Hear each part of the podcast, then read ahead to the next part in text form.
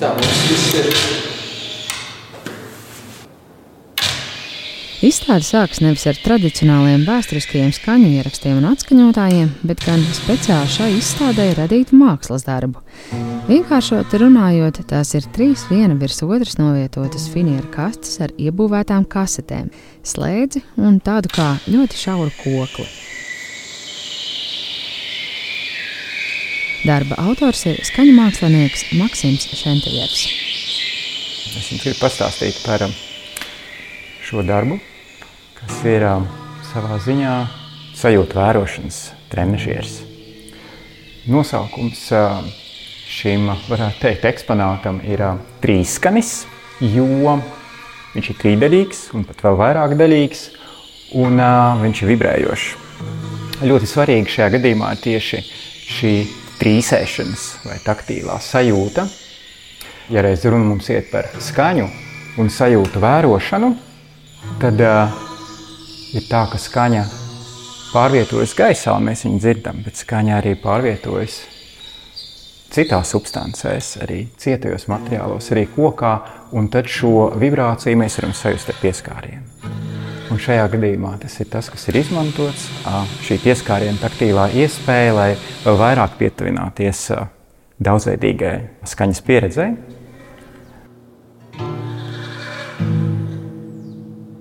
Lai gan tas ir ļoti iedomīgi saukt to par mūziku, jo tas tikai mūsu redzējums, pie kam ļoti vēlīns, kā apzīmēt lietas, tomēr mēs varētu teikt, ka bites šajā gadījumā muzicē mums ir iespēja piedalīties šajā mūzikā kopā ar bitēm un vērot tās struktūras, kas veidojās mūsos, kad mēs nesākam dominēt, bet esam gatavi ieklausīties un piedalīties.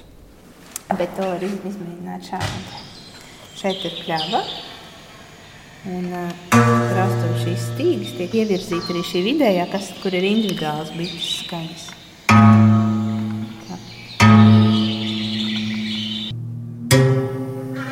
Skaņu trenižieri iemēģinām arī mēs ar izstādes kuratori Katrīnu Kūkoju.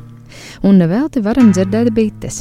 Tam ir cieša saistība ar pirmo plaša patēriņa skaņas ierakstīšanas rīku fonogrāfu, ko 1878. gadā patentēja Tomas Edisons. Jā, izstādes nosaukums Sun ir saistīts pirmkārt tāpēc, ka bite ir ļoti svarīgs kukaiņu skaņu ierakstu vēsturē. Ja mēs atgriežamies pie Edisona izgudrojuma, šī fonogrāfa, tika ierakstīts tieši vaska valcēs, un tas materiāls ir pietiekami mīksts, lai viņā varētu ierakstīt skaņu, pietiekami cies, lai viņa varētu vēlāk arī atskaņot. Un līdz ar to tas tāds pirmais nozīmīgais materiāls. Un, protams, arī platis uh, ierakstīja vaskā sākumā, un pēc tam ar visiem citiem procesiem viņam izveidoja matricas, un tad no matricām varēja uztaisīt plates nospiedumu, bet jā, viss pamatā kaut kādā ziņā sanāk ir šī bita un vasks. Un otrs kukainis ir šellaka kukainis, jo šis šellaks nav mākslīgi radīts materiāls. Tas ir dabīgs materiāls, un šellaka kukainis dzīvo Indijā. Tad, kad viņi izdala šo sekrētu, tad to, tos aplastus no kokiem nost, un tad no tā varēja ražot platus un vēl citas materiālus. Ir arī šellaka laka, tad, tad jā, no Indijas vests materiāls. Starp citu, arī pirmā skaņu plata latviešu ir no šēlaka materiāla.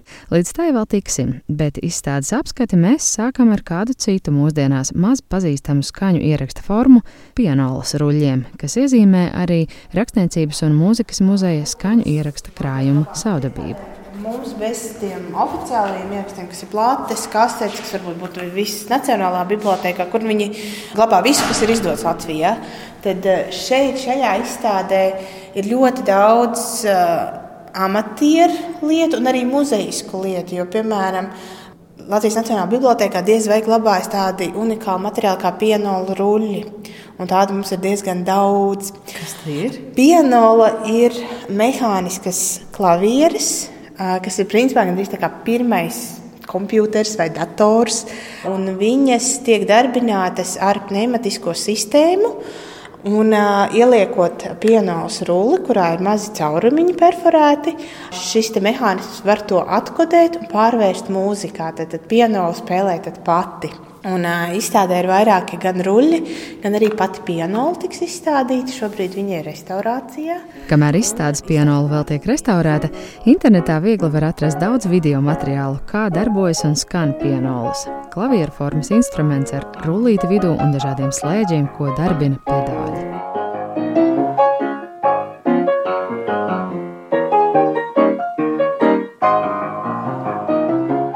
Un, lai pianolu atskaņotu, ir nepieciešams tikai kāju spēks. Tev nav jābūt pianistam, tev ir tikai jāmin pedāļi un pianola spēlē pati. Tālāk jau mēs izstādējām cauri muzikālajām lādītēm. Mums pietrūkst fonogrāfu, bet mums arī nav šie priekšmeti kolekcijā. Tā kā tā ir mūsu kolekcijas izstāde, mēs par to pastāstām, bet neizrādām. Bet mums ir brīnišķīgs skaņu plašs atskaņotājs gramofons ar visu sunīti niperu. Tur ir tas ar visu logotipu, kas ir interesanti ar gramofonu kompāniju un Latviju ka tad, kad gramofona kompānija atver savu biroju Londonā 19. gadsimta beigās, viņi izlēma, ka viņiem būs viena rūpnīca Vācijā. Un drīz vien viņi atver otru rūpnīcu Krievijas tirgumu. Jūs varat minēt, kur tas notiek. Tas notiek šeit, pat Rīgā. Tad, tad gramofona kompānija ir atvērusi savu tīklu šeit. Un 1903. gadā, kas ir tieši pirms 120 gadiem, Šeit Latvijā notiek arī pirmās latviešu skaņu plats ieraksts. Bet tajā laikā jūs varat iedomāties, nebija tā, ka kā tagad izvēlēt telefonu un kādu ieraksti. Bija speciāli skaņu inženieri. Tādi tobrīd gramofona kompānijā bija ne vairāk kā pieci. Un viens no viņiem speciāli brauca tādos ceļojumos, lai veiktu šos ierakstus. Un 1903. gadā gramofona kompānijas skaņu inženieris Frans Hampe Rīgā Viņš veic šos ierakstus. Un ko viņš ieraksta? Un ko viņš ieraksta? Viņš ieraksta to brīdi dziedošos latviešu aktierus. Un, ja mēs paiesim višķiņu uz priekšu, tad šeit ir. Šī ir tā slavenā skaņa plata, kam aprit 120 Jā, gadu. Tieši tā, pēc, pēc matricu numuriem. Visvecākā latviešu skaņu plate ir zeķu dziesma, un to izpilda aktieris Aleksis Mierlauks. Vārdi no tiem, kas tāpāk niekur tauk. Jo viņu vārds kājās vien, bet nevis rokās mauk. Un viena secinā to aliek, bet otras ir aizikai liek. Jo to pie manis katrs rakstā vesas pār man kājas, tas man kājas. Ir vēl dažas citas no šī laika tapušās plates, starp tām, ko tu raudi, kas tev kait. Grēks nav skūpstīties, tā kā no tās sesijas ir vairāk. Un kas arī interesanti, ka muzejā viņas ir līdz šai izstādē glabājušās, bet viņām nebija precizēts datējums. Un šobrīd, kad ir pieejams arī gramofona kompānijas datubāzes un arī Bērtiņa grāmata, bija iespējams precizēt šo datējumu. Bērtiņa grāmatā, piemēram, Bērtiņš ir sagatavojis lielo skaņu plašu vēsturi. Acīm redzot, vai nebija turējis rokās šo plati vai dzirdējis tās saturu par tieši zeķu dziesmu, viņš viņu bija pateicījis par zaķu dziesmu. Varbūt izklausās mazliet labāk. Vai vai varbūt tā bija ieviesusies kā gramatikas kļūda, bet patiesībā tiešām ir zeķis. Jo zeķi drīz ar taura tiek, un kur lai tauru zeķi liek, kur to lai. Tas ir interesanti, ka ieraksti notiek ziemā, 1903. gada decembrī. Un, un kur tas notiek? To gan es nemācīšu teikt par to vēsturi klusē, bet tas ir jā, šeit, šeit pat kaut kur Rīgā, iespējams kādā no teātriem. Bet uh, par to varbūt vēl ir, teiksim, jāizpēta, jo šie materiāli un uh, informācija par ierakstiem ir uh, Londonā, Gramfona kompānijas arhīvos. Šobrīd viņi ir ļāvuši pieeja vienai datubāzei, un ar viņiem arī sazinājusies. Bet, teiksim, tādus uh, unikālos arhīvu materiālus būtu jādodas turien un jāpēta, un varbūt ka vēl kaut kas atklājas. No pirmajām skaņu platēm izstādes apmeklētājus ceļš ved gar magnetofona lentām, un varam uzzināt, kāpēc tās rūsē.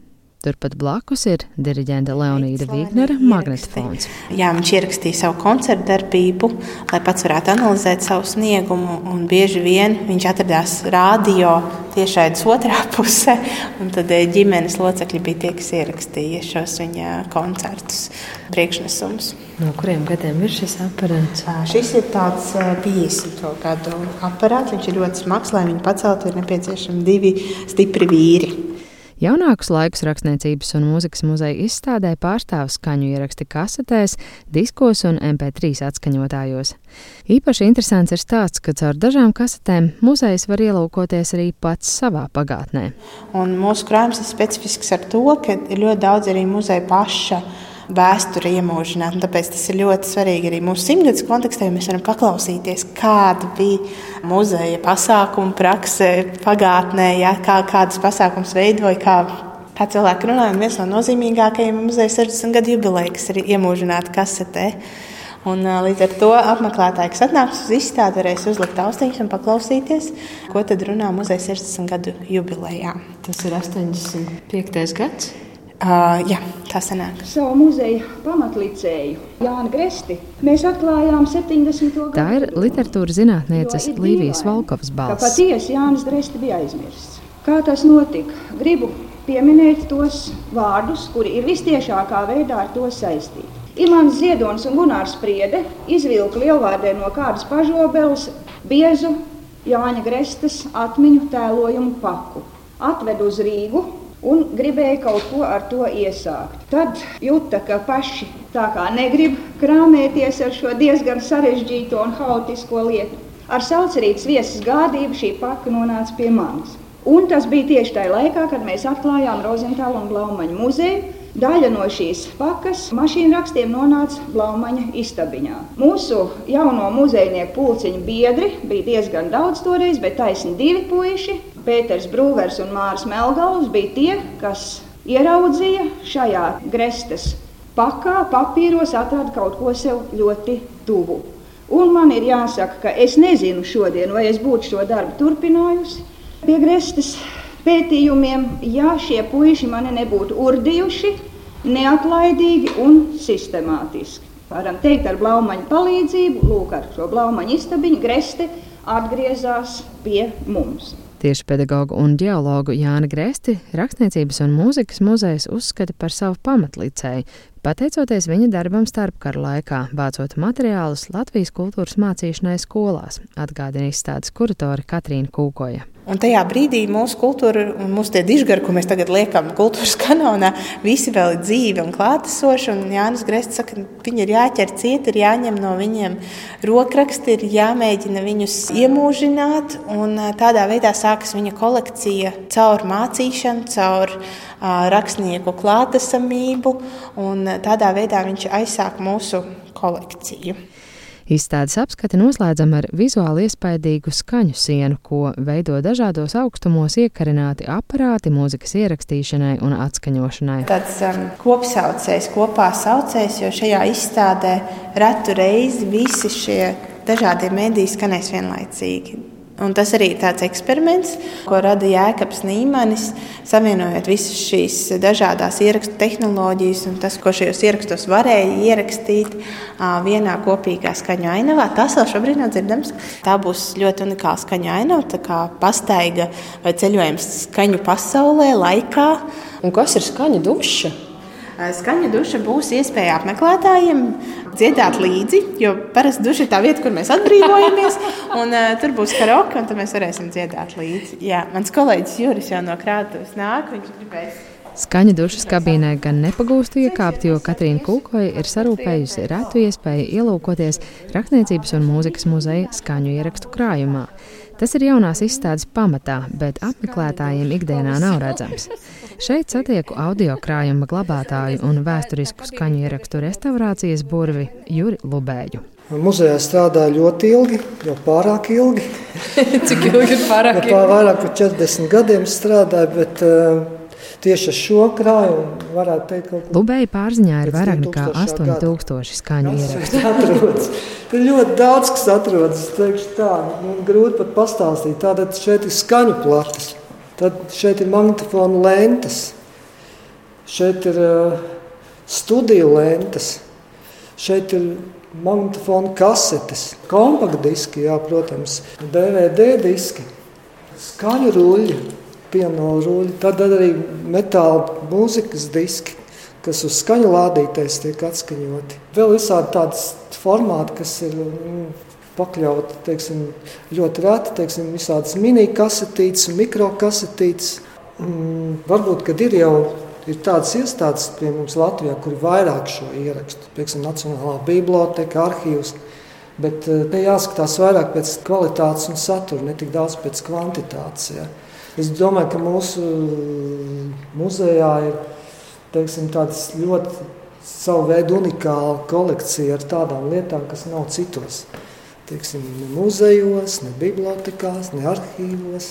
Lubēja kolēģe Gunita Enģele atceras, kā pārlūkojusi krājuma priekšmetus un uzreiz gara acīm redzējusi izstādi. Te taču ir tik daudz, viss kaut kas tik fēni, un tur, piemēram, skaņu platēm vāciņi tik mākslinieciski, vai, vai, piemēram, te pēkšņi ir stikla plata, te pēkšņi ir alumīnija, te pēkšņi fleksiblā. Gada sākumā dzirdu ziņu, ka Katrīna plāno šo izstādi taisīt, bet es viņai neko nebiju ne teikusi. Nekā. Tas bija pilnīgi kaut kāda neatkarīga. Es vienkārši saprotu, nu, man ir jādara viss maksimālais, lai to savu kluso cerību piepildītu. Tāpēc es biju arī ļoti ieinteresēta parādīt maksimāli visu, lai Katrīna spēja izvēlēties, lai tur viņai tās domas raisās. Un līdz ar to ir šis tas arī, kas ir izstādē, kas man ir bijis ļoti tūs un mīļš un silts. Jā, labs idejas gaisā virmo. Pavisam noteikti, jo man liekas, šī izstāde arī ir tāda, ka atbilstam stāstam, ka lietas sāk runāt un uzrunāt. Un, ja tas uzrunās kuratoru, ja tas uzrunās krājuma glabātāju, tad skaidrs, ka tas uzrunās arī apmeklētāju. Izstādes san papildinās arī nodarbība, kas veidota kopā kopā ar profesionālu mūzikas terapeiti. Jo mums bija pāris testa grupas, un atnāk skolēni pirmdienas rītā, visi guļoši, visi nelaimīgi, visi nepatīk. Vispār, kāpēc man tā atvilka? Un beigās viņi dejo, viņi priecājas, viņi dzied līdzi, jo tiešām tā mūzika dara brīnums, viņi var pacelt mūsu emocijas. Kamēr rakstniecības un mūzikas muzeja mājas vecrīgā vēl tikai top, tieši skolēnu grupas pašlaik ir galvenie izstāžu apmeklētāji muzeju krātuvē Pulka ielā, Dzekuškalnā, kas ir nostāk no ierastās galvaspilsētas muzeju takas. Izstāde San te būs skatāma vēl gadu, kad to nomainīs nākamā par kino tematiku.